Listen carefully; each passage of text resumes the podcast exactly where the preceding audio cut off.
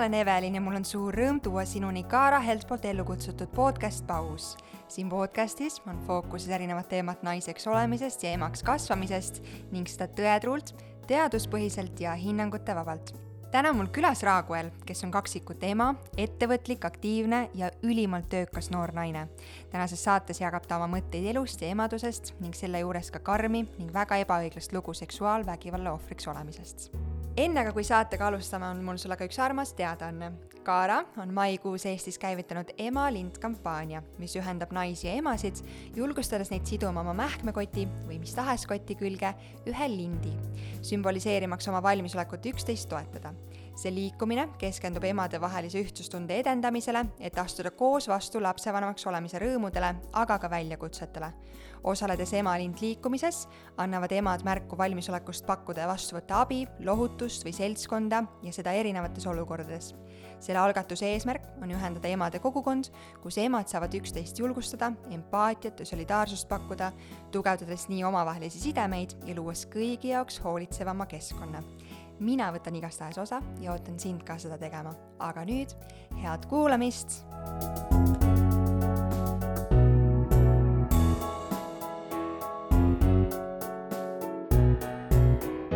Tšau, Raaguel. tere.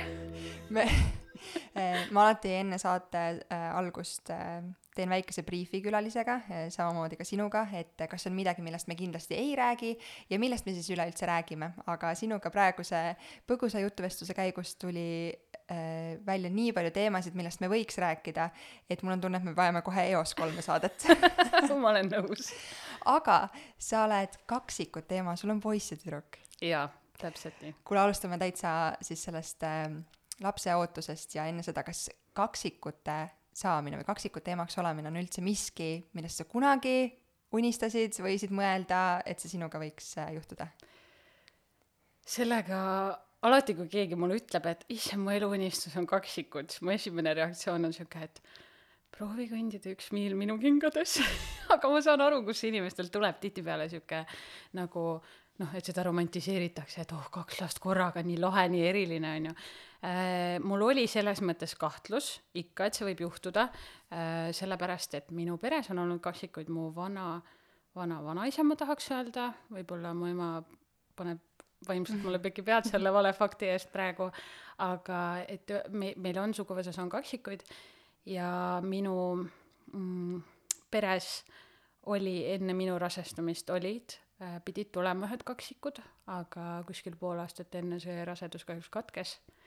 et, äh, et äh, see kahtlus oli jah, ja kui oli niisugune kogemus ees, siis kui ma teada sain, siis oli natuke juba hirm ka endal, et, et oli nagu ei olnud see kõige aga kirjelda seda teadasaamist. see on, tundub selline hästi emotsioonide rollercoaster, ma lihtsalt võin nagu lühidalt oma loo äh, sa tõid siia välja selle, et paljud nagu unistavad sellest yeah., et justkui see võiks olla no vau wow,, et nii lahe ja super. ma ei taha ära nüüd kuidagi ehmata või see ei ole kuidagi nõmedalt öeldud, aga ma pean tunnistama, et minu jaoks oli üks kõige suurematest hirmudest, hirmudest oli see, et A rasedus katkeb ja B, et mis siis, kui on kaksikud see, või veel rohkem. Täiesti, ma üldse ei kujutaks ette seda elu. see on täiesti nagu õigustatud hirm, sest et ega mina ei reageerinud sellele niimoodi, et ma ämmaemanda juures teda kallistasin ja nutma puhkesin õnne eest. Vaid äh, tegelikult oli see, et äh, me olime olnud äh, laste isaga koos kaks aastat, kui me võtsime selle otsuse vastu ja ma jäin väga kiiresti rasedaks, ma olin ka noor, ma olin üheksateist. Ja ma mäletan, et ma sain omal niimoodi, et mul pidi hakkama menstruatsioon ja enne seda mul oli sihuke iivelduse tunne ja ma mõtlesin, ma teen testi, mul oli mingi sisetunne. ja ma sain kaks triipu sealt, noh, me olime väga õnnelikud, kõik oli tore ja noh, kohe helistad ju pelguline ja siis on see esimene, kus sa oled, öeldakse, et oh, tule umbes kuu aja pärast, sest see on sihuke kuidas meil on nii kaua, ma ei saa, kuidas? Täpselt. Ja siis sa elad sellega, sa ei saa kellelegi rääkida, sest sa ei tea midagi, kas see on nagu, kas kõik on korras, kas see on üldse, kas see test oli õige, onju, aga mingil põhjusel ma, ma tean, et hästi paljud ütlevad, ma tegin kümme testi, ma tegin iga päev, ma tegin selle ära, ma teadsin, et jah, okei okay et, äh, et kõik on korras ja nii läheb. ja ma olin tööl ja ma tõstsin mingit kasti, sest et noh, kui sul nagu keha korras, sul ei ole mingeid riske, siis ma ei mõelnud, et ma siin kaks päeva rase olles ei või mingit väikest kasti tõsta. aga mul käis äh, valus ähvatus alakõhust läbi ja see nagu ei läinud ära. Ja ma läksin äh, Pelgulinna erakorralisse äh,, kus siis tehti, vaadati mind läbi see on natuke naljakas lugu ka ja noh, ilmselt enamik siis teavad, et alguses ju vaadatakse äh, vaginaalselt sind mm -hmm. ultraheliga läbi mm. -hmm ja siis äh, vaadati mul seal munasarjad üle, ma ütlesin jah, et ma sain nagu ka just teada, ma olen rase, no see, ma arvan, et see võis olla mingi nädal-kaks võib-olla enne. jah, midagi sellist. Ja siis äh, ta ütleb, et jah, ma näen, siin on väga tugev südametöö mm. -hmm, kõik on hästi. siis ta natuke ka vait ja siis ta ütleb, et ja, ja siin on ka teine süda sa mõtleks, et noh, kaksikud. aga mina, kuna sa, su esimene mõte ei ole see, et kaksikud on, minu ainus mõte oli see, et mismoodi on võimalik, et ta minu emakast minu südant näeb. Et see vahemaa on nii pikk. no see tõenäoliselt sest see ei tulnud mul kordagi pähe sellel hetkel. väga armas nagu see kõlab nagu ma oleks anatoomiast nagu täiesti rumal, aga lihtsalt on see, et su aju ei ole nõus seda infot vastu võtma. noh, muidugi see mõte kestis -hmm. minus nagu ainult mingi ühe sekundi ja siis oli nagu sa filmidest näed, kui on niisugune dramaatiline hetk, et sa ei kuule enam midagi. Ma näen, et see arst räägib, ta räägib aegluubis. ma lihtsalt olin täiesti paanikas, ma mõtlesin, mis asja, kaksikud. ja me elasime veel toona niimoodi, et me otsustasime, jah, me saame lapse, äh, meil oli väike kesklinna korter, kahekümne ühe ruudune, laste isa tegeles spordialaga, mis hõlmas väga palju reisimist, meil ei olnud finantsiliselt üldse palju raha, aga me mõtlesime, et oh, üks laps, me saame teda igale poole kaasa võistlustele võtta, meil on normaalses suuruses korter, et kuni ta lasteaeda läheb, meil pole suuremat korterit vaja. Rahaliselt saame hakkama, noh, ühe lapsega midagi ikka mõtleme välja, teemapalgad, asjad, on ju. ja siis äh, ja siis arst ulatas mulle need ultraheli pildid ja ütles, et, et kõik on korras, noh, et mul midagi viga nagu ei olnud selles mõttes, et see kasti tõstmine mulle vigastusi ei teinud, mul, mul olid selleks hetkeks uued probleemid. Või noh, tänaseks rõõmud, sel hetkel minu sees olid väga segased tunded ja ma korra lähen võib-olla natukene ajas tagasi, et siis, kui me hakkasime rääkima plaanist, et äh, saada laps, siis äh, laste isa ütles mulle ükskord kuidagi jutu sees umbes naljana, et oh, mina ei oskaks niikuinii ükshaaval lapsi teha. ja siis ma astusin sealt kabinetist välja, andsin talle need pildid ja ta küsis mult, et kuidas sul on, ma olin näost lumivalge, ma olin täiesti kaame. küsis, kas kõik on korras. Ma andsin talle ultraheli pildi ja ma ütlesin, ma ei tea, hakka lotopileteid ostma mina sõitsin koju näost valge, seest täiesti paanikas, sihuke, et ma ei tea, kas nutta, ma ei tea, kas karjuda, ma ei saa kellelegi rääkida, sest keegi ei tea, et ma rase olen. ja tema oli nii õnnelik, tal oli nii hea meel, sest ta oli nagu, ma teadsin, et see juhtub meiega. ja aga see, jah, see ehmatus on ikka, ma arvan, et see kõigil, kes saavad nagu teada, et sealt tuleb natuke rohkem neid. millal sul päriselt kohale jõudis, et sa ootad kaksikuid? mm. üldse kogu nagu sihuke rasedus võib-olla ei jõua, ma ei tea, võib-olla inimestel jõuab see kohe kohale, minule kindlasti ei jõudnud. ja mul võttis väga kaua see aega. Äh, ja see, et on kaksikud, võib-olla siis, kui ma rääkisin perele, sest et nende reaktsioonid olid nagu sellised, et see oli üks osa, pere reaktsioon, aga ma ei tea, päriselt jõudis siis kohale, kui mulle vist alles sünnitusmajas toodi see teine laps ka järgi kuidas su rasedus kulges mm,? algus oli nagu ikka, õnnistati mind selle kolme kuu iiveldusega äh,, aga ma sain selles mõttes äh,, emaka loodus oli mu vastu nii tore, et ma üheksa kuud saingi süüa ainult tatart, hapukoort ja kurki äh,. asi seegi. jah, asi, kolm asja, mõni saab ainult ühte ja muidu algus oli selles mõttes oligi ainult iiveldus oli suurim probleem, aga üheksateistkümnendal nädalal ähm, ma eh, elasin Sikupilli keskuse taga ja ma läksin poodi õhtul. ja ma kõndisin niimoodi, ma rääkisin oma emaga telefonis. ja ma olen alati olnud hästi, hästi tubli liikleja. mind on väiksest peale õpetatud, et vasakule-paremale, siis uuesti vasakule. Ja ma läksin üle tee, ma olin ju seda teed tuhat korda käinud, ma olin seal elanud päris pikalt. ja ühel hetkel äh, ma tundsin, et äh, käis pauk ja ma olin pikali ja siis ainuke asi, mis ma jõudsin teha, oli see, mul oli tele-, ma rääkisin oma emaga telefonis. ma karjusin oma emale telefonis, et emme, ma jäin auto alla. ja ma panin kõne ära. kujuta ette emana sellist asja kuulda. et su laps, kes on rase, kes on sulle just oma lapseootusest teadanud äh,, ütleb sulle, et ta jäi auto alla. et see oli sihuke, see oli, see asi pani alguse päris paljudele probleemidele mis olid selle rasedusega seotud, et äh, sellest põrutusest äh, ja sellest õnnetusest tekkisid, tekkis mul neerupõrutus, mis siis äh, hakkas mõjutama valgu tootmist mu uriinis, võib-olla ma kuidagi sõnastan seda valesti, aga ühesõnaga mu uriinis oli tihti valk analüüside põhjal ja tänu sellele e, pool rasedust ma käisin iga nädal haiglas.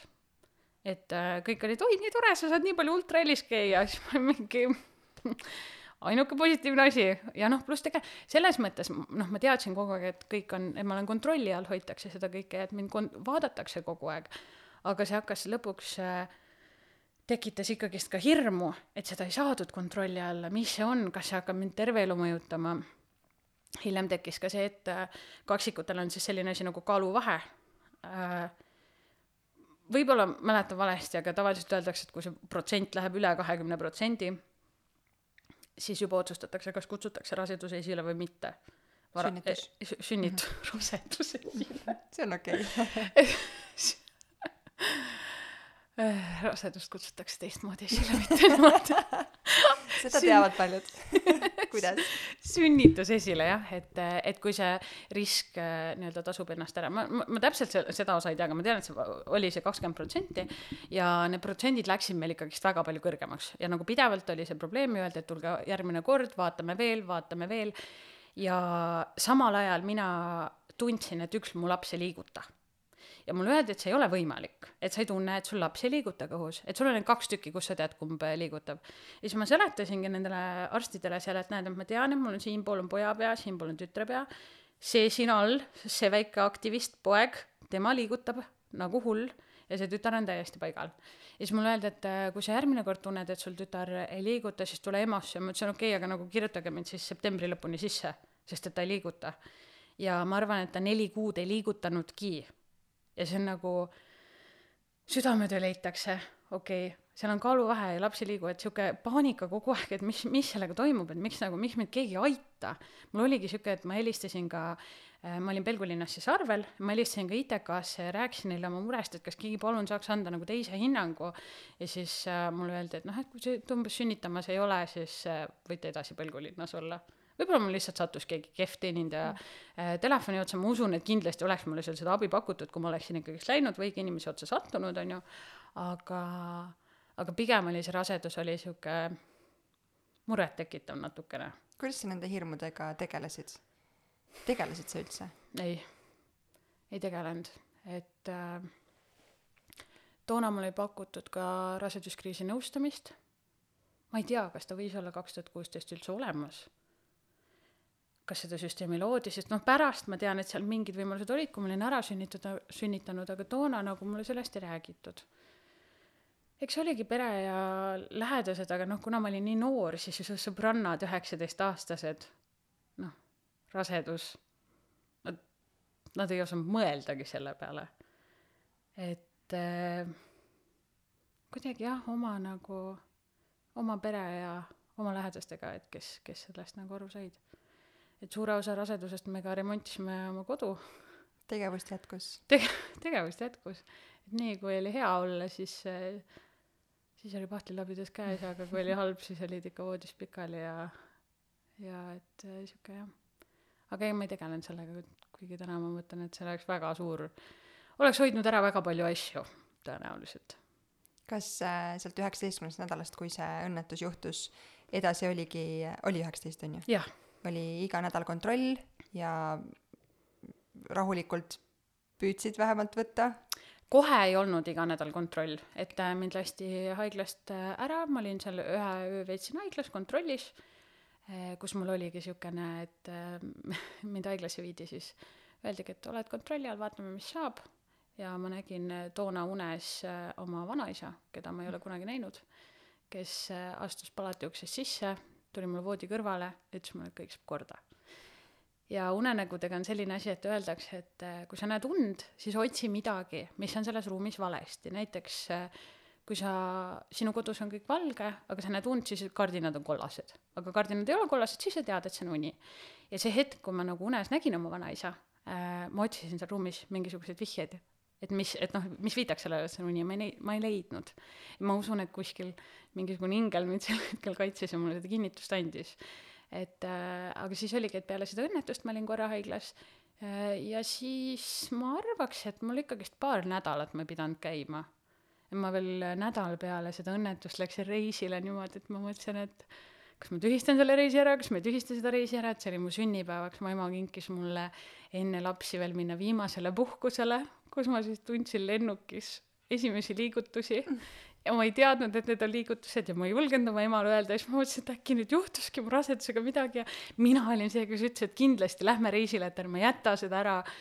Ja nüüd ma siin olen ise süüdi kõiges. Ja siis tegelikult ma sain aru, et aa, lapsed andsid mulle esimest korda märku endast.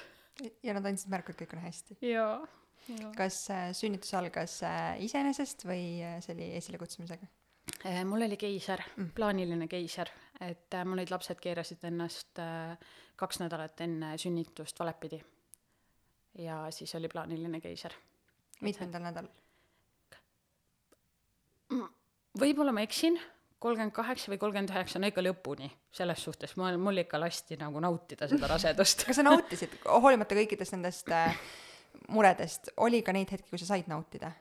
jaa, selles mõttes, et see haiglas käimine oli lihtsalt tüütu kohustus, kuna mul ei olnud autojuhilube, bussiga oli palav suvel, et mul oli nagu mu kaaslasest kahju, kes mind sinna viima kogu aeg pidi, et tegelikult mulle väga meeldis ja noh, kui mul, kui mul süda paha ei olnud ja ma sain süüa mingeid asju, mul oli väga tore ja hea olla, et, et äh, toonused pole kunagi ku- tundnud siukseid asju, et ma sain jalutada, ma sain kõike teha, et kuni oma avariini ma käisin igasugustes rühmatrennides, jõusaalides, et ma selles mõttes, ma elasin oma elu.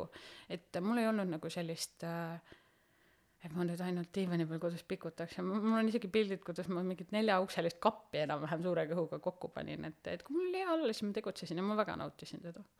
millised need äh, esimesed hetked siis, kui, kui lapsed olid siinpool äh, kõhtu, siinpool ilma, sinu jaoks olid?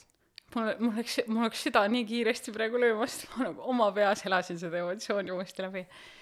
Äh, mul oli nii uskumatu tunne, ma mäletan, et mulle anti, tütar anti minu kätte ja poeg oli siis äh, laste isa käes. ja see tütar oli nii väike, ta oli nii pisikene ja ma mõtlesin, et ta oli minu sees ja, ja nüüd ta on siin ja see läks nagu niimoodi, silmapilkselt läks see läbi ja, ja see kõlab, see kõlab natuke kurvalt, aga ma tundsin äh, sel päeval, et ma esimest korda ei ole siin maailmas üksi. et äh,, et nüüd mul on nagu oma inimesed lõpuks. Vist ilma märjaks sa tegid endale ise oma parimad sõbrad mm. -hmm. Mm -hmm. täpselt, täpselt. kas sa vaatad neid täna sama suurte äh, aupaklike ja, ja rõõmu silm, rõõmu, rõõmu täis silmadega?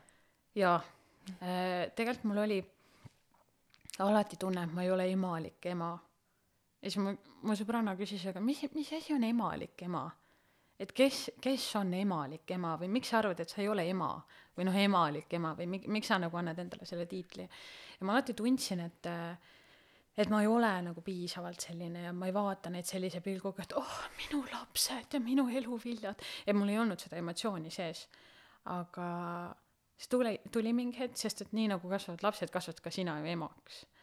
et äh, täna mul on niimoodi, et äh, nagu näha on kogu aeg, kui ma neile mõtlen, mul on silmamärjad ja sihuke Nad on nii lahedad ja lapsed on nii lahedad, et kui ma vahepeal olen äh, kunagi teinud nalju, et issand, et mõelge ikka, millal te lapsi saate, siis täna mul on see, et saage kõik, saage kümme tükki, need on kõige ägedam asi, mis sinuga elus saab juhtuda.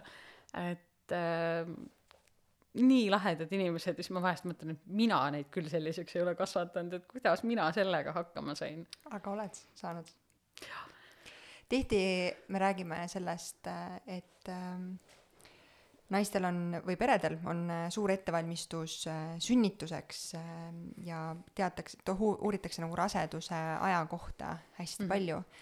aga see, et pärast sünnitust alles algab elu mm, -hmm. on tihti justkui meelest läinud ja siis tulevad esimesed võib-olla raskemad hetked ja tagasilöögid ja unetutööd ja kõik, kõik muu, mis sinna juurde käib. kui palju või kui suur oli sinu ettevalmistus äh, sünnitusjärgseks perioodiks? mm,? otseselt ei olnudki, et me valmistusime nii hästi, kui me saime äh,. me oleme olnud alati siukse rohkem nagu minimalistid mingites asjades, et äh, ei kuhjanud mingeid asju üleliia, sest noh, sa saad ju kõike tänapäeval osta. Valmistuda selles mõttes, noh, ainuke asi oligi, et see kodu valmis saada. Et see oli väga suur valmistumine, milleks oli, varem me elasime kahekümne ühe ruuduses korteris, kus polnud elutoa ja magamistoa vahel ustki, on ju, et äh, see oli kuule nagu..., see, et elutuba ja magamistuba mõlemad kahekümnele ühele ruudule ära mahuvad, on juba, on edasiminek rohkem ja, ja selles mõttes oli, oli, oli isegi hästi. Mm, -hmm. aga et, et see oli nagu noh, kui niimoodi mõelda, et ta oli üks kõige suuremaid ettevalmistusi ja, ja aga vaimselt ja niimoodi, et äh, mingeid asju ette valmistada või et äh, pere kuidagi ette valmistada või seda nagu, et oleks abikäsi või midagi sellist, et äh, meie need lapsed saime, meie nagu sellega kuidagi toime tulime, et äh, ei olnud ka seda, et oleks saanud laste isa kauem kodus olla, mis oleks olnud ju tegelikult suurepärane, kui kaksikud tulevad, et noh, kas pool aastat või midagi sellist. et äh, eks me läksime niimoodi kuidagi, võtsime hoo pealt ja pea ees vette. jah, küll midagi ikka välja mõtleme. ja mõtlesite? jaa kuidas see sinu jaoks, äh, see sünnitusjärgne periood, äh, noh, see on küll väga erinev iga naise jaoks, aga mulle tundub, et kaksikutega võiks olla kaks korda raskem nagu just naisena füüsiliselt. nii tihti on mulle öeldud ka, et kuidas, issand, et kahe lapsega, kuidas sa hakkama said. no mul on see, et aga ma ei os-, ma ei ole kunagi ühega olnud, ma ei teagi, mismoodi ühega mm. nagu, mul ei ole võrdlusmomenti et eh, eks muidugi oli, oli hetki, kus sa pidid va-, valima, et eh, kumma karjuva lapse sa esimesena võtad, et noh, kumb siis kõvemini karjub.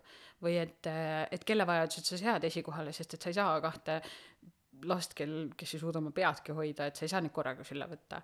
et eks, eks seal oli nagu füüsilisi välja, väljakutseid oli äh,, igasuguste tõstmiste asjade osas, et imetada ma kahjuks sain ainult nädal aega neid. ja aga kuidagi harjud ära sellega, sest see on su osa elu, sul ei olegi mitte mingit teist nagu kuidagi valikut, et meil oli hea see, et me elasime esimesel korrusel, et äh, vankriga oli hea liigelda, et aga ma ei tea. kuidas su enda tervis taastusid sa ruttu hmm,?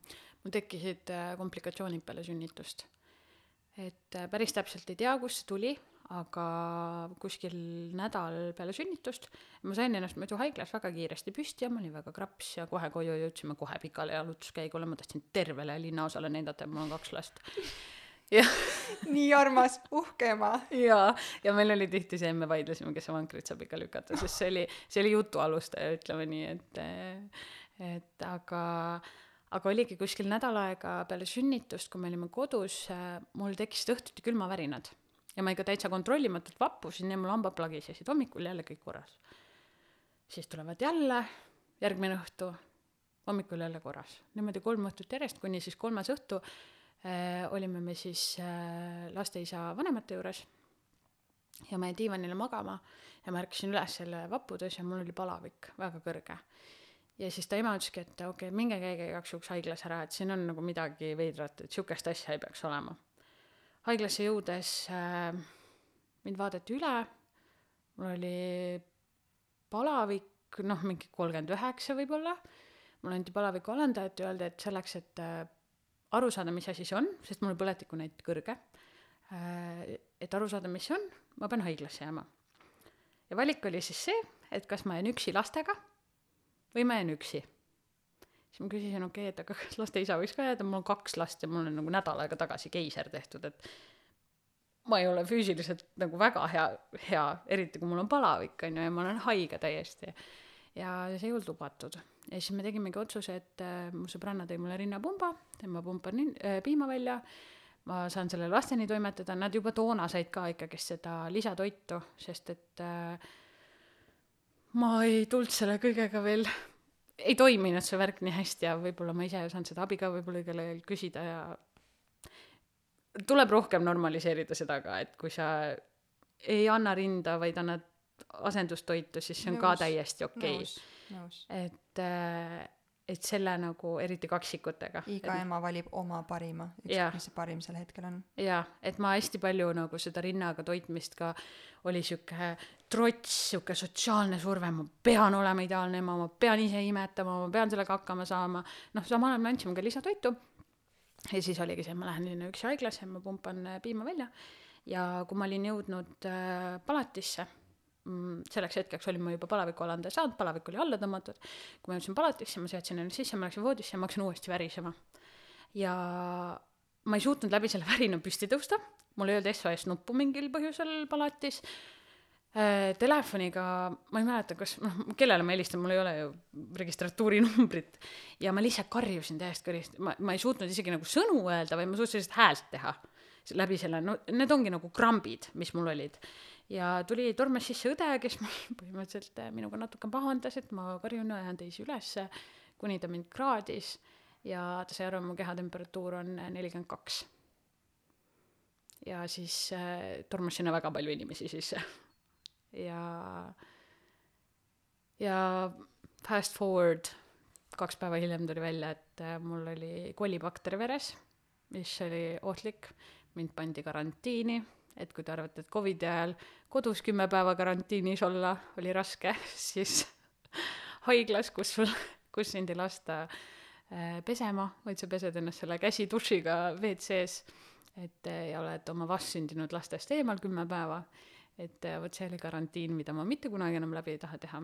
Ja tuligi siis lõpuks diagnoos oli see et mul oli emakapõletik kolibakteri tõttu tekkis mul antibiootikumide resistentsus ma loodan ma hääldasin õigesti selle sõna Eh, mu põletikunäit oli kakssada seitsekümmend üks, normaalne on kuni viis, angiiniga on tavaliselt sihuke kuuskümmend, kaheksakümmend, et eh, ma olin veremürgituse äärel. või vist diagnoos vist oli ikkagist veremürgitus või midagi sellist. karm. jah, päris jah. Ma kujutan ette, et see hetk, kui sa said tagasi koju oma beebide juurde, vist äh, ma, ma tahan uskuda, et tänutunne oli pidevalt ja kogu aeg olnud, aga see hetk vist ekstra suur. ja, ja see oli midagi nagu nii meeletult äh, et ma sain päriselt hakata seda emadust nautima lõpuks ometi ja nagu ma võtsin nagu iga seda hetke veel suurema tänutundega muidugi sinna kõrvale käis see mega hull kontroll et ma kartsin et äkki see bakter on mu veres ma desosin kõike ma pesin desoainega põrandaid ja kõike. Aga see et ma sain lõpuks oma pere juurde issand kui õnnelik ma olin. Ja kogu selle halva nii-öelda halva olukorra juures oli see et äh, laste isal ei olnud mitte mingit varianti kui saada kohe sihuke elukool et äh, peale seda neli kuud ei pool aastat ma tahaks öelda mina ärganud öösiti lastega et äh, mingi positiivne asi sellel oli ka kui sa vaatad tagasi, su lapsed on praegu seitse, nad saavad Seitse. septembris kui sa vaatad tagasi kogu, kõikidele nendele aastatele, siis millised kõige-kõige väljakutsuvamad hetked nende aastate jooksul on olnud? kõige väljakutsuvamad hmm.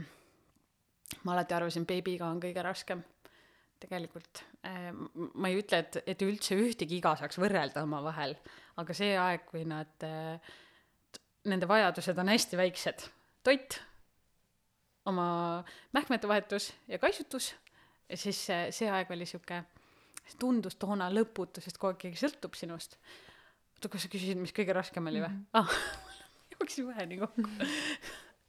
Eh, kõige väljakutsuvam ma arvan oli see kui tuli laste emotsioonide ja vaimse tervisega tegeleda peale lahutust. Sest et eh, see on asi milleks sind ei valmista keegi ette. Sa ei oska sellega ise tegeleda võib-olla nii nagu sa tahaks. Ja see oli ma arvan kõige raskem. See vajab väga tugevat teadlikku tööd, igapäevast teadlikku tööd. jaa selleks peab iseennast väga kurssi viima nende asjadega. sa pead ise ka vaimselt olema heas kohas, et toetada väikseid Just. inimesi. et äh, jah, kas sa arvad, kui sa vaatad neid, siis kas selliste raskete perioodidega, olgu see lahutus või mis tahes mõni muu äh, keerulisem hetk elus äh,, kui sa vaatad oma lapsi, kas nemad saavad, on tugevamad saavad paremini hakkama või sina, saad sa üldse võrrelda? ja nad on, nad on mulle küll tundub, et nad on nagu sellised äh, nagu, nad on minult võtnud selle positiivse poole ja alati süstivad seda minusse, kui on raske hetk. ja nagu nende, väike inimene on selles mõttes, et kõik pakub sulle rõõmu, sulle pakuvadki väiksed asjad rõõmu ja kuidagi mulle tundub, et nad lähevad läbi selle, no okei okay,, muidugi see siin lahutuse kõrval sellest rääkida, et oi, neil on nii kerge, noh, see, et selles mõttes see, see on niisugune teema, mis on keerulisem. aga kui muidu rääkida sellistest eh, eluraskustest ja mingisugustest eh, hetkedest, siis mulle tundub, et nad saavad nagu väga hästi hakkama. aga see tuleb ka väga palju sellest, et eh, me oleme andnud neile väga suured oskused verbaalselt väljendada oma tundeid. et äh, ilmselt nad ei tuleks sellega toime kui nad ei oskaks ise väljendada ennast nii selgelt ja nagu protsessida koos meiega neid asju läbi. kas teil on algusest peale olnud mingid kindlad mm, tea, reeglid või käitumismustrid, mida te püüate just, just sellesama väljatoomiseks, mida sa siin, mida sa rääkisid, et neil on need oskused verbaalselt ennast väljendada. on teil algusest peale mingid reeglid olnud, mida te olete alati taga ajanud või mida sina oled alati taga ajanud oma lastega? ei, need on jooksvalt tulnud, sest ma ise ka õppisin neid asju alles äh, olukordades, nagu õpidki kogemusest selles mõttes, et äh, muidugi, kui sa saad lapsed, siis sa mõtled, et sa oled kõige ideaalsem inimene ja ainult julgustad oma lapsi ja kunagi nendega ei pahanda ja ja oled ainult see toetav ja soe ja ja oskad õigeid asju öelda, aga noh, reaalsus on see, et siis tuleb elu, et äh, et läbi kogemuste on need ikkagist need asjad tulnud ja läbi enda teraapia et äh, ka see, et kuidas sa tahad, et sind ära kuulatakse, siis küsigi nagu endalt, et äh, et su laps tahab tegelikult sedasama. ja hästi hea mõte, mis mul tuli juba hästi varakult, oli see, et äh, kui sa keelad oma lapsel midagi teha, siis küsi endalt, et kas sa keelad seda sellepärast, et see on päriselt talle ohtlik või sa keelad talle sellepärast, et sul on mugavam, kui ta seda ei tee. et äkki ta võib selle köögisahtliga mängida, aga sul on maru ebamugav, kui sa pärast pead neid potte ja panne koristama et aga võib-olla siis õpetame talle, et kuidas ta ise need, et okei okay,, sa võid välja võtta, aga ise koristad ära. et, et just see, et, et noh, mida me keelame, et kui sa keelad tal igat väikest asja teha, siis kunagi sa, ta on suurem ja sa ütled talle, et kuule, et palun ära jookse autotee peale, nii et sa ei vaata. noh, kui sa niikuinii kogu aeg teda keelad, siis ta ei kuula sind. et see on nagu see koht, et küsi endalt jah, et miks sa keelad last. mis on mingi kõige suurem äh, või olulisem väärtus, mis sa tahad neile elus kaasa anda? Enda eest seismine ja enda eest seismine ja see, et äh, kõik inimesed väärivad äh, head kohtlemist. vahet ei ole, mis nad, millised nad on. et kõik on väärt äh, sooja suhtumist. seda ei ole üldse raske edasi anda, ma kujutan ette, sest mul on endal, ma seisan samade väärtuste eest, aga mul on iseendalgi raske vahepeal järge pidada nende mõtetega. see on, selles mõttes see mulle alati tulnud nagu endale hästi loomulikult, sellepärast et inimesed, kes on minu vastu head, ma olen nende vastu loomulikult head. ja need inimesed, kes on minuga, käituvad pahasti, siis minu ainuke mõte on, et noh, mina pean enda si-, sisemust kaitsma. ja selleks, et oma sisemust kaitsta, olen ma võtnud endale sellise suhtumise, et inglise keeles on niisugune väljend nagu kill them with kindness. ehk siis ole inimeste vastu nii lahke, et neil hakkab endal ka piinlik, et nad sinu vastu nõmedad on. ja see toimib nii hästi ja see arendab inimesi nii palju ja see ongi see, et ükskõik, keda sa kohtad, ükskõik, mida ta on teinud, mida sa oled tema kohta kuulnud, mida ta on sulle öelnud, sina ja alati iseendaks ei ole viisakas.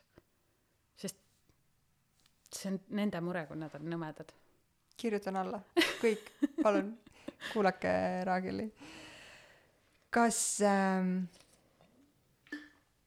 sa tõid äh, välja selle enese eest seismise mm, -hmm. et see on midagi, mis sa tahad lastele sisse süstida, et nad selle endaga kaasa võtaksid. on üks lugu, mis äh, otseselt ei haaku selle emaks olemisega, aga see haakub enda eest seismisega mm. -hmm. ja sa oled enda eest seisnud ja selles, seda ühes äh, väga karmis või karmil teemal, mis äh, statistiliselt puudutab ülipaljusid ja mitte ainult naisi ja selleks on äh, seksuaalvägivalla ohvriks olemine või selle kogemine. jah. see on äh, asi, millest äh, Eestis ei räägita. üldse ei räägita. ma uurisin selle kohta ka, kui see minuga juhtus statistikat, kuidas väga suur osa ei jõuagi kuskile kahjuks natukene on siin ka, tahaksin nagu pilgu pöörata riigile äh, selles mõttes, et meie sotsiaalkampaaniad ähm,, ma ei julge pead anda, aga viimaste aastatega on olnud ainult üks selline kampaania ja see on ka erarahastuse poolt olnud. et äh, tea-, teadlikkuse tõstmine on väga väike olnud, et kes tegutsevad selles valdkonnas, tegutsevadki heast tahtest, et seda sõna levitada, mis on okei okay,, mis ei ole ma saan aru, et sellest ei räägitagi nii palju, sest see häbitunne võib seal taga olla, seal on hästi palju emotsioone võib seal taga olla ja see kõik on okei okay,, et kui sa oledki niisuguse asja ohver, siis kõik, mida sa tunned, ongi okei okay.. ja kui sa ei taha rääkida, sa ei peagi rääkima. et äh, teraapias ka mulle öeldi, et äh, iga kord, kui sa räägid, sa tegelikult uuesti elad seda läbi mingis mõistes, aga see sõltub ka inimesest. ja minu jaoks, kui see minuga juhtus, minu esimene mõte oli see, et äh, mitte ükski inimene ei võta mu sära ära. et sellest ei saa mitte kunagi äh, minu lugu, selles mõttes, et see ei defineeri mind mitte kunagi. et see on üks hetk, see on üks äh, inimene, üks õhtu, üks otsus, kus äh, keegi otsustas, et ta ei austa teisi, aga sellest ei saa mitte kunagi osa minust. ma räägin sellest sellepärast, et äh, tõsta teadlikkust ja ma olen ka selles mõttes võib-olla hea näide sellest, et eh, isegi kui juhtub see sinuga, siis sa saad oma elu tagasi. et see ei pea olema kõige nagu lõpp. et tegelikult on abi olemas. ja tegelikult sa saad, saad leida selle sära uuesti ülesse. mitte küll kohe, selleks on abivahendid. see juhtus sinuga hiljuti see juhtus minuga selle aasta alguses, jah. sa oled täiskasvanud naine, sa, ma tahaks arvata, et sul on teadmised, oskused ennast mitte sellistesse olukordadesse justkui sättida, aga see ohvriks olemine ei küsi seda, kui tark sa oled või kui edukas sa oled või kui vana sa oled, vaid see võib juhtuda absoluutselt igaühega.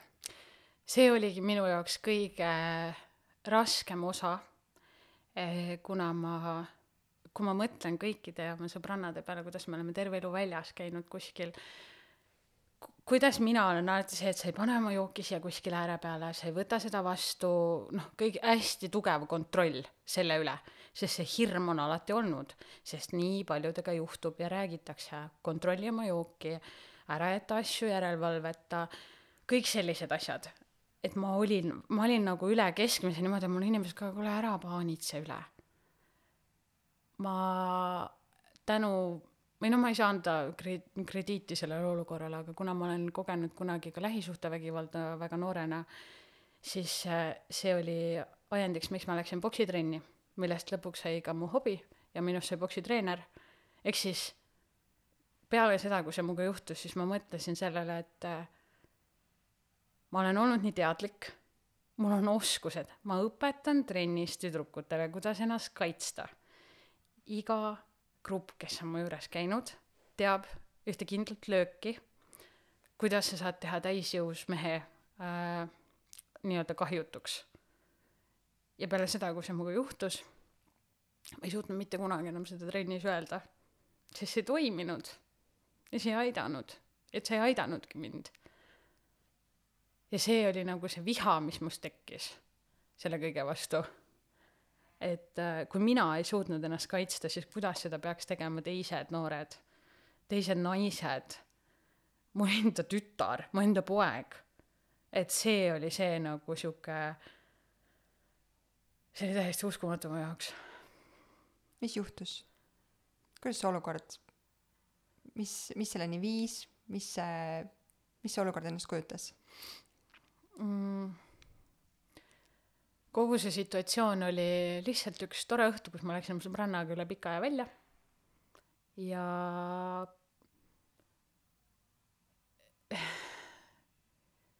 see oli, ma ütlesin väga selgelt ühele mehele ei. ja ma veel äh, rõõmustasin oma sõbrannale, et issand, et vaata, kui normaalsed mehed, et saavad aru, kui sa ütled ei, et et noh, tihtipeale on see, et on ikka inimesi, kes umbes ei saa sellest aru ja hakkavad edasi suruma oma tahtmist peale. ja ma kiitsin, kiitsin seda olukorda, et näed, et väga tore, et sai väga hästi aru. kuni ta tõi mulle äh, mingil põhjusel Coca-Colat. ja ma mäletan, et see oli veel Coca-Cola Light ja ma mõtlesin, kui vastiku maitsega see on. ja peale seda tema väitel sai sellest eist jah, aga minu mälus kustus pilt siis. et äh, jah, selle kohta tõendeid täna ei ole, et kas ja mida mulle joogi sisse pandi. aga nagu mulle ütles peale seda ülevaatlust teinud arst, et isegi kui tõendeid ei ole, ei tähenda, et see sinuga ei juhtunud ma sellest, mul on hea meel, et sellest teemast natukenegi on viimasel ajal räägitud ja see, mis on mulle kõrvu jäänud, et esimese hooga, kui sa satud seksuaalvägivalla ohvriks, sa ei tohi ennast pesta, sa ei tohi oma riideid vahetada ja kui sa seda teed, siis sa paned need riided, aluspesu, üleriided, kõik paberkotti, mitte kilekotti ja pöördud kogu kupatusega politseisse jaa, sul on õigus, aga mitte politseisse, vaid äh, lühendina on see siis SAK minu meelest. Need on erinevates linnades on erinevad esind-, nii-öelda esindused. Äh, Tallinnas on näiteks Pelgu linna lähed, mitte politseisse, vaid Pelgu linna esimese asjana. hästi. kui sa ütled, mis sinuga juhtus, sul palutakse oodata, sest neil on eraldi välja koolitatud inimesed, kes sinuga tegelevad. et seda, see on võib-olla see protsess, mida ohvrid äh, tihtipeale kardavad, et kuidas, kuidas see välja näeb. piinlik, minu kohta öeldakse, et äh, kuidas mina, miks mm -hmm. tehakse maha mm. -hmm. küsitakse küsimusi, mida sa võib-olla ei taha kuulda sel hetkel, on ju. aga see süsteem on selles mõttes, kindlasti ta vajaks parandamist natukene aga ta on juba väga hea, et kui sa lähedki sinna Pelgulinna, kutsutakse spetsialist kohale, kes viib su läbi kõikidest nendest protsessidest sind austades. austades seda, et see, miks sa tulid, on päris. hoides sind, andes sulle selles mõttes ruumi, et kui, kui sa ei suuda mingeid asju teha, siis kas me ei tee või ta selgitab sulle ära, miks ta mida teeb. ja, ja see, seda rõhutan ma miljon korda et ära pese oma riideid ja ära mine ise pesema, seda on, ta on paberil hästi ilus, aga kui see sinuga juhtub, siis tahaks endal naha sada korda maha kraapida. et seda, seda teha on üks asi, et minna otse. aga teine asi on noh, et mis ta päriselus on. isegi kui sa käid pesemas, siis on äh, nädal aega on see aeg, kus tuleks minna, tegelikult natuke kiiremini ka, sellepärast et äh, ma ei mäleta, kas see oli vist seitsekümmend kaks tundi peale seda saab veel teha HIV-i ennetusravi. et see on ka hästi oluline asi, mida pidada silmas. isegi kui ei ole neid riideid, isegi kui ei ole, oled pesemas käinud, on ainult verbaalsed tõendid, siis äh, traumajärgsed sümptomid, stressisümptomid on ka asi, mille järgi saadakse aru, et midagi on ju juhtunud. et äh,, et alati tuleb minna ja alati tuleb nagu see ära fikseerida. et see ongi niimoodi, et Pelgulinnas sa lähed, fikseerid ära, sa annad analüüsid, sind vaadatakse üle, kas sa saad siis mingit ravi äh,, vajadusel pildistatakse vigastused ülesse, see protsess on selles mõttes niisugune tunnikene, aga see on väga hoitud koht, et ma tundsin ennast tõesti hästi selle spetsialistiga, et et tema sõnad, et kui me tõendeid ei leia, ei tähenda, et seda ei juhtunud, ei lähe mul mitte kunagi meelest ära mis hetkel sa pöördusid? mina läksin mm,, mina läksin äh, viiendal või kuuendal päeval alles. sellepärast, et äh, hoolimata sellest kõigest olin ma ema, olin ma treener, tegin ma tööd ja ma teadsin, et kui ma lähen sinna kliinikusse, et siis ma saan aru, mis minuga juhtus. ja siis tuleb see langemine, mille jaoks mul on vaja aega ja ruumi. et ma ei peaks tegelema kõigega, millega ma sel hetkel noh, ma pi-, ma tundsin, et ma pean ise valmistuma selleks, et nüüd ma lähen vaimselt katki. ja ma ei saanudki seda endale enne lubada, kui reede õhtul, kui ma olen oma lapsed ära viinud. ja siis ma läksin. selleks hetkeks äh, millal sa aru said üldse, et see, mis sinuga juhtunud oli? keha ei valeta sulle kunagi. keha sai aru järgmine päev. hommikul kohe ärgates ma sain aru, mis oli juhtunud. aga kaks päeva ma sisestasin endale, et ma kujutan ette seda endale, et noh, see ei saanud olla ju. et ma olen ju tugev, ma ju seisan selle eest kogu aeg, kõik valvavad oma jooke, ma olen ju füüsiliselt tugev, ma käin trennis. et kaks päeva ja siis ma sain aru ja siis oli see, kus ma kirjutasin oma parimale sõbrannale, sest ma teadsin, et ma saan teda usaldada selles, sest et kuna ta on lastekaitsespetsialist ja väga palju neid teemasid läbinud, et ta oskab öelda õigeid asju ja et ta reaktsioon ei ole nii-öelda vale või kuidagi nagu mind kahjustav, et mul oli väga julge talle kirjutada. ja, ja ma kirjutasin selle kirjaga, et mis minuga juhtus ja ma kirjutasin sinna juurde ka asjad, mida ta ei või mulle öelda. ma ütlesin, et ära ütle, et sul on kahju, ära ütle, et tibukene, ära hakka mind haletsema, vaid nüüd mõtleme, mis me teeme. et meil on vaja siit kohe edasi minna. et see on minu nagu sihuke aju Äh, en-, viis ennast kaitsta, et mul on hästi süsteemne kõik, et okei okay,, see juhtus, ma ei saa enam midagi teha, ma ei, ma ei saa seda ennetada, kui ma nüüd auku kukun, siis ma ei saa midagi enam teha, siis ma ei saa selle, seda inimest äh, suunata selleni, et ta saaks karistada, sest et ma ei reageeri õigel ajal, et nüüd ongi, et okei okay,, mis me edasi teeme. ta oskas sulle öelda õigeid asju? jah.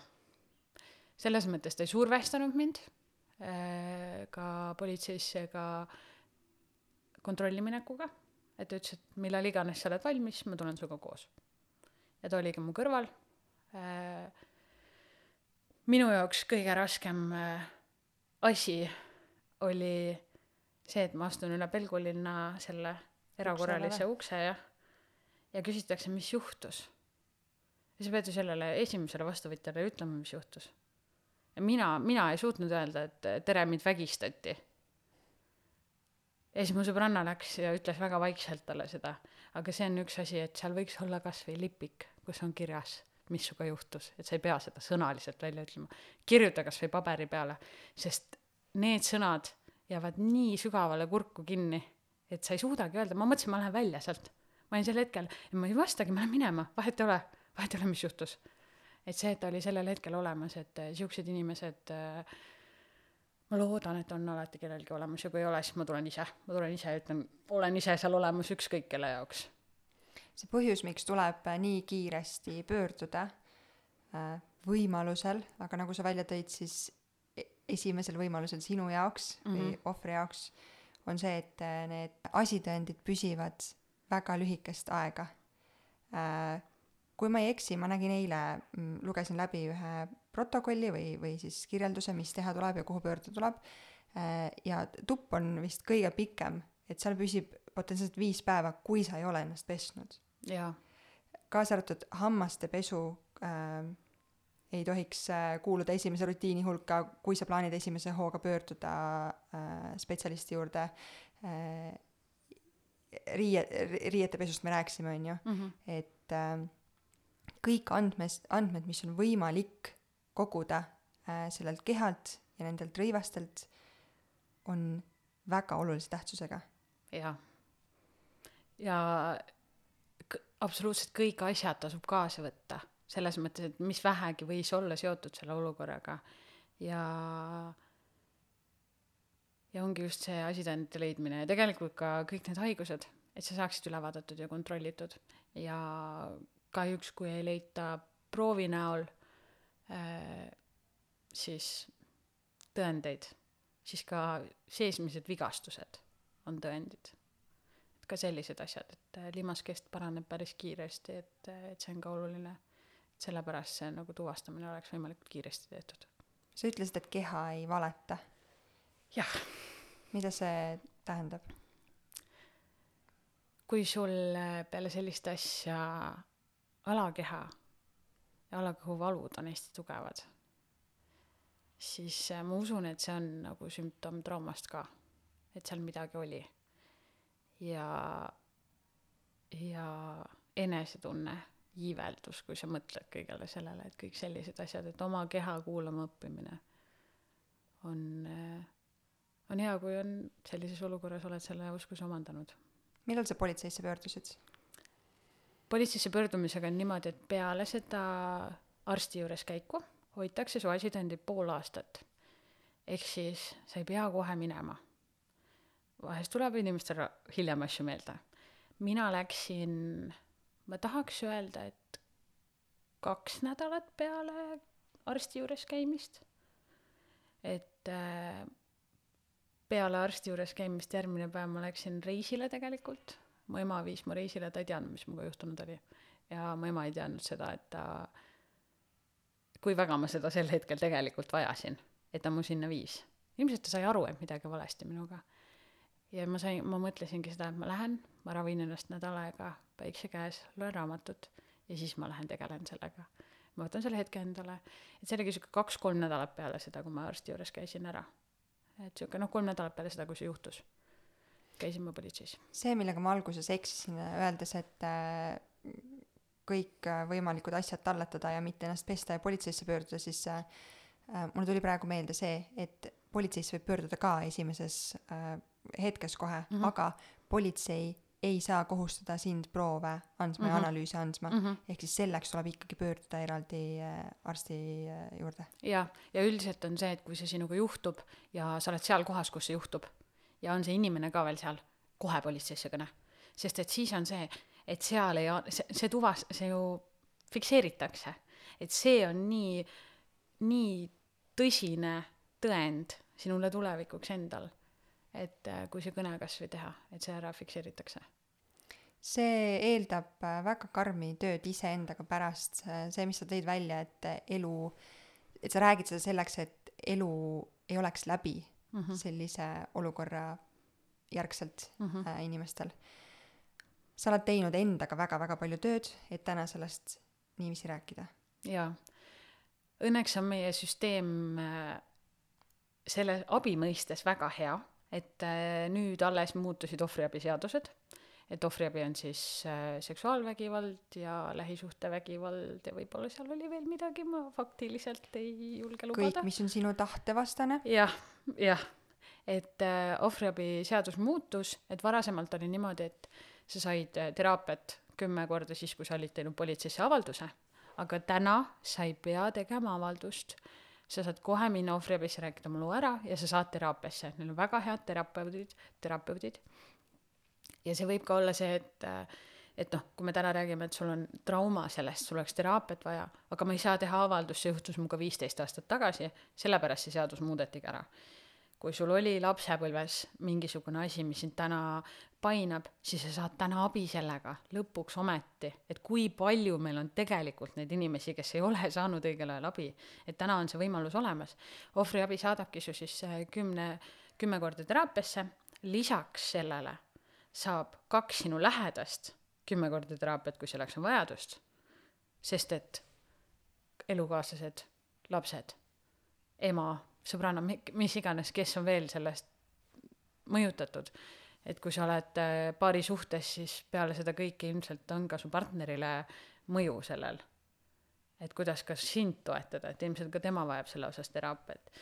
ja kui sinu kümme korda saab täis ja sa ei ole saanud piisavalt abi, siis terapeudi soovitusel saab veel kümme korda juurde, et see süsteem on nii heaks läinud. mina saingi, sain ohvriabist terapeutide nimed, vaatasin sealt, kes mulle nime järgi sümpaatne tundub ja Helen Sööl on täna väga suures osas äh, põhjus, miks ma üldse elada tahan ja miks ma nagu nii säravalt seda tahan teha ja miks ma olen nii õnnelik, ma olen nii rahul ja nagu naudin päriselt elu, mis tundub selle eelneva jutu valguses täiesti sürr, et ma saan sihukest asja üldse öelda, aga see teraapia on olnud nii suur abimees selle kõige juures siin käis enne läbi see, kui palju statisti-, tähendab, et, et statistiliselt see ohvriks olemine mõjutab väga-väga-väga paljusid. Äh, ja ma tahaks arvata, et veel rohkem on neid äh, sõpru ja sõbrannasid ja tuttavaid, kes äh, võib-olla ei oska õigeid sõnu öelda ja and-, pakkuda seda toetust ohvrile mm. -hmm. sa kirjutasid oma sõbrannale, usaldades teda ja tõid mm -hmm. välja, et mida ta kindlasti sulle öelda ei tohiks mm. -hmm kui sinu poole pöörduks täna sinu tuttav mm, -hmm. mida ma mhm. loodan, et keegi kunagi tegema ei pea mm, -hmm. aga kui pöörduks, siis mis sinu esimesed sõnad talle oleks? see on asi, mida ma ütlen täna kõigile, kes minu lähedased ka, kes tulevad oma murega. mida sa soovid kuulda, on üks asi. kas sa soovid, et ma toetan sind, kas sa soovid, et ma pakun sulle lahendust või kas sa soovid, et ma kirun sinuga koos et noh, on ikka nõmedad inimesed. millist, äh, mida sa ootad minust, sest tavaliselt on see, et kui me kellegi poole pöördume, meil on mingi ootus sealt. kas sa soovid lohutust, tuge, lihtsalt ventida, lihtsalt see välja enda süsteemist saada, võib-olla sa tahagi, et tahad lihtsalt, et sind kuulatakse ära. Et lihtsalt küsida, et, et ma olen olemas, aga mida sa soovid? kaasnes on... sul piinlikkus või häbitunne? ei, sest et äh, häbi peaks olema sellel inimesel, kes ei saa sõnast ei aru. et äh, minul palju suurem häbi on tõenäoliselt elu lõpuni elada teadmisega, et sa oled vägistaja. Et minul ei olnud seda tunnet. ja ma võtsin selle mindset'i kohe endale, et äh, et see ei ole asi, mis on minu küljes märk see on selle mehe küljes elu lõpuni, see märk. sul kasvab täna kodus tütar. paratamatult statistiliselt naised on äh, rohkem ohvrid kui mehed, aga ka mehed on ohvrid. mida sa oma tütrele ennekõike, aga ka pojale just selle olukorra valguses kõige rohkem edasi tahad anda või, või kasvatada nendes? ma võib-olla läheneks sellele asjale teise nurga alt isegi, et äh, nii nagu mul oli kogu selle loo kõrval oli tugiisikuks oli Sass Henno, kes siis seisab väga palju selliste asjade eest. et ta ütleb ka, et me, me ei peaks hoiatama oma tütreid, vaid kasvatama oma poegi. et äh, see on asi, millele tuleks rohkem tähelepanu pöörata, aga kui mõelda selle osas, et mida öelda oma tütrele, õpetada varajasest vanusest peale seda, et äh, mis osa meie kehast kuulub meile, ma olen seda väga palju teinud äh, kuueaastaselt nemad on õppinud ära lause palun austa mu keha. see kehtib ka selle kohta, kui keegi sind kõdistab ja sulle ei meeldi see, kui keegi tahab sind kallistada ja see sulle ei meeldi. palun austa mu keha. ütle üks täiskasvanu, kes ei saa aru selle asja tõsidusest, kui laps talle niimoodi ütleks. tõenäoliselt kõigil oleks. sees käib jõnks läbi, astud kaks sammu tagasi. jah, et äh, see on äh, töö, mida me peame hakkama tegema väga varajasest east, nii jube, kui see ka ei oleks aga niikaua, kui me ei saa kogu maailma muuta ja nende inimeste mõttemaailma, kes neid kuritegusid sooritavad, siis oma lapsi me peame selles mõttes kaitsma. et just see ja teine asi on see, et meil on usaldus lastega, et nad räägivad meile ükskõik, mis toimub. Ja kuidas see usaldus tekib, on see, et me ei keela neid liiga palju, üleliigselt, me ei pahanda nendega iga asja eest, mis juhtub, sest et äh, võib-olla see viieteistaastane tüdruk võib ka tunda, et see on pahandus, et temaga see juhtus, et see on nüüd mure ta emale. aga kui tal on oma emaga või ja, ja ka isaga avatud suhe, siis ja suhtlus, siis ta julgeb sellest rääkida. et just see, kuidas me oma lastega läbi saame ja mis on selle usalduse taga.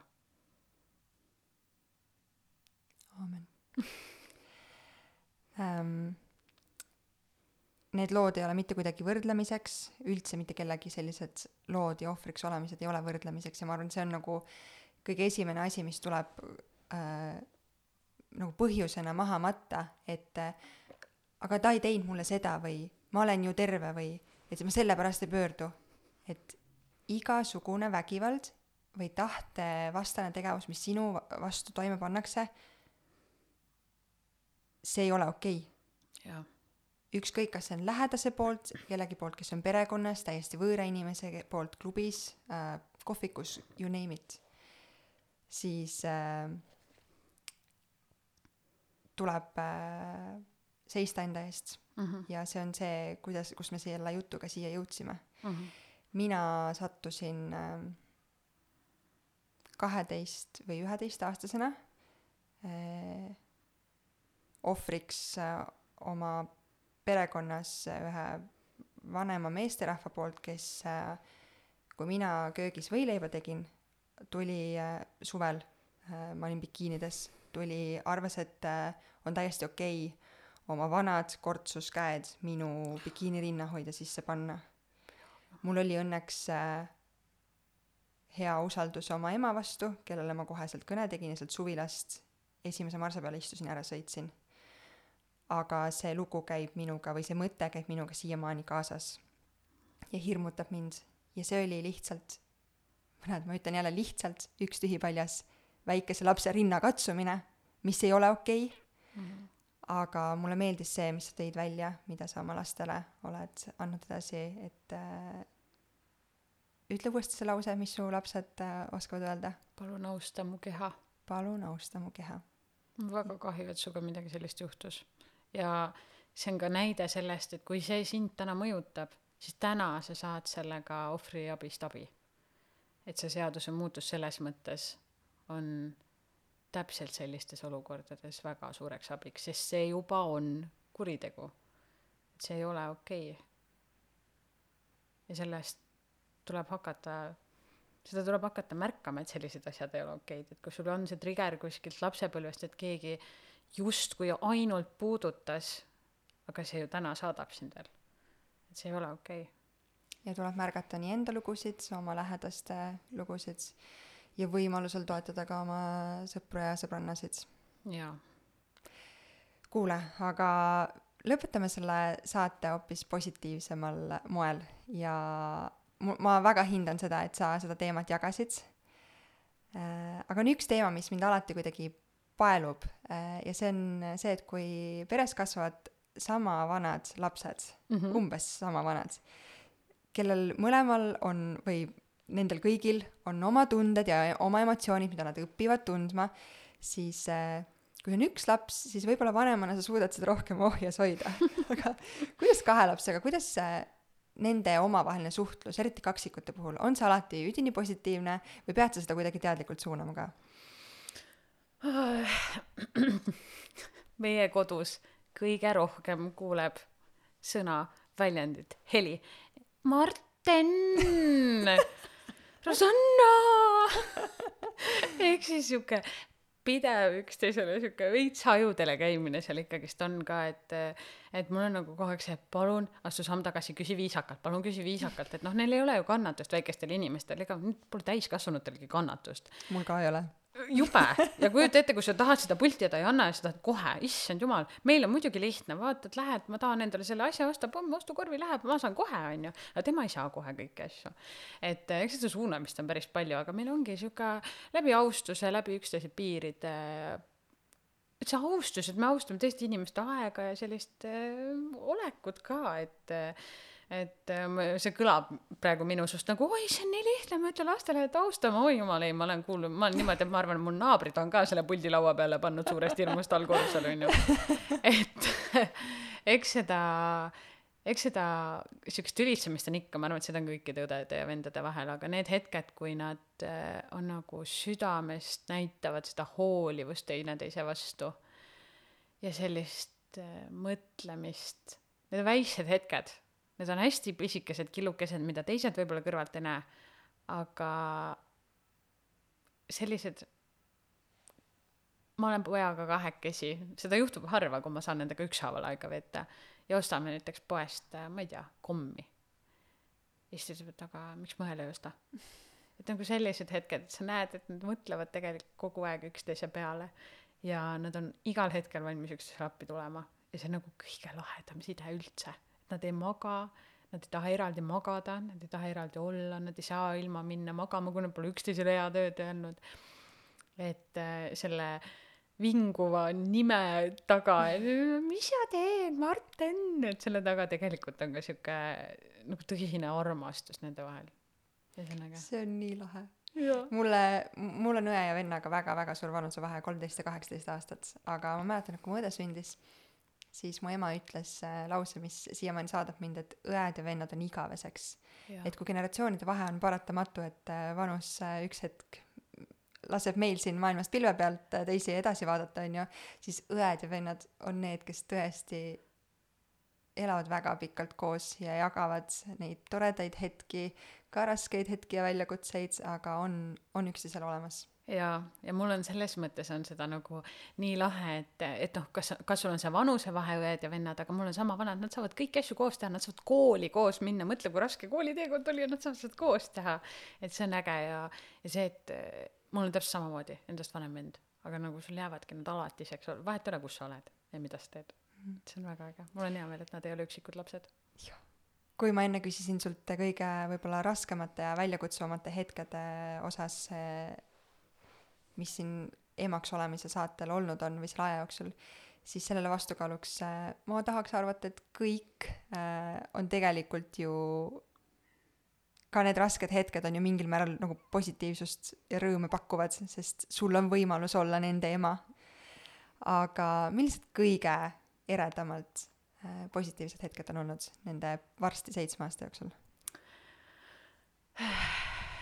Ja sellega ongi täpselt nagu sa ise välja tõid, et kui on raskeid hetki, siis tegelikult see alati on selle rõõmusaatel ja me ju, meie aju blokib ära selle negatiivsuse, et ma ikkagist, ma mäletan neid seitset aastat kui väga toredaid aegu, väga ägedaid asju.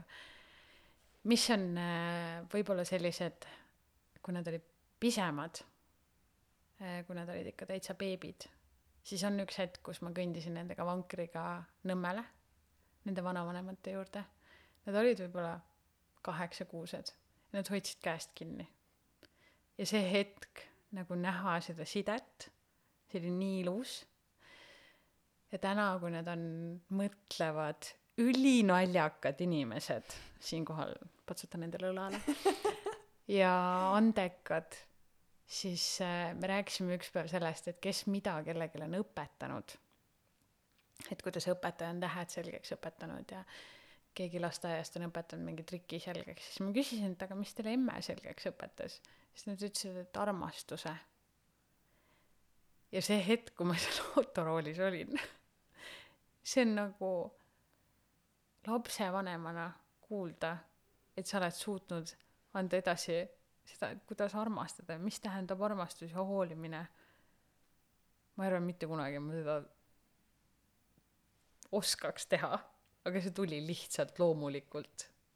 ja see oli nii ilus, et sellised hetked, kui nad selliseid asju ütlevad või kui mu poeg, kes ei ole väga tundeline, ta on üsna selline avasoitud ja sihuke, tütar on rohkem emotsionaalne, sihuke, kõik on ilusad, armsad, nunnud, toredad, poeg väga palju ei ole. ja siis ta ükskord võtab ja kallistab mind ja ta ütleb, emme, kuidas ma sind nii palju armastan. et äh, sellised hetked, et see on nii, seda on üliraske kirjeldada. Neid kogebki või neid oskabki kõige paremini ilmselt mõtestada ja tunda neid emotsioone ema, mhm. nende laste ema. ja ma arvan, et igal, igal emal on neid äh, emotsioone ja tundeid äh,, mis pisara silmanurka toovad ja kananaha natukene ihule. aitäh sulle. aitäh sulle. ma loodan, et siit saatest jäi kõlama palju äh, enda hoidmist äh,, enese eest seismist ja, ja seda, et need väikesed hetked äh,, sõnad, kui palju need tähendavad ja kui palju need rõõmu pakuvad mm. -hmm. olen täiesti nõus tšau. tšau.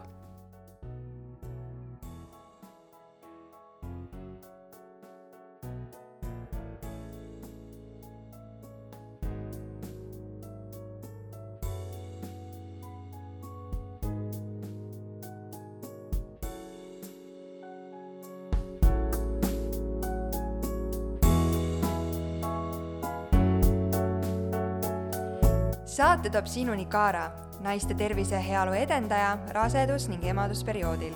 vaata lähemalt kaarahealth.io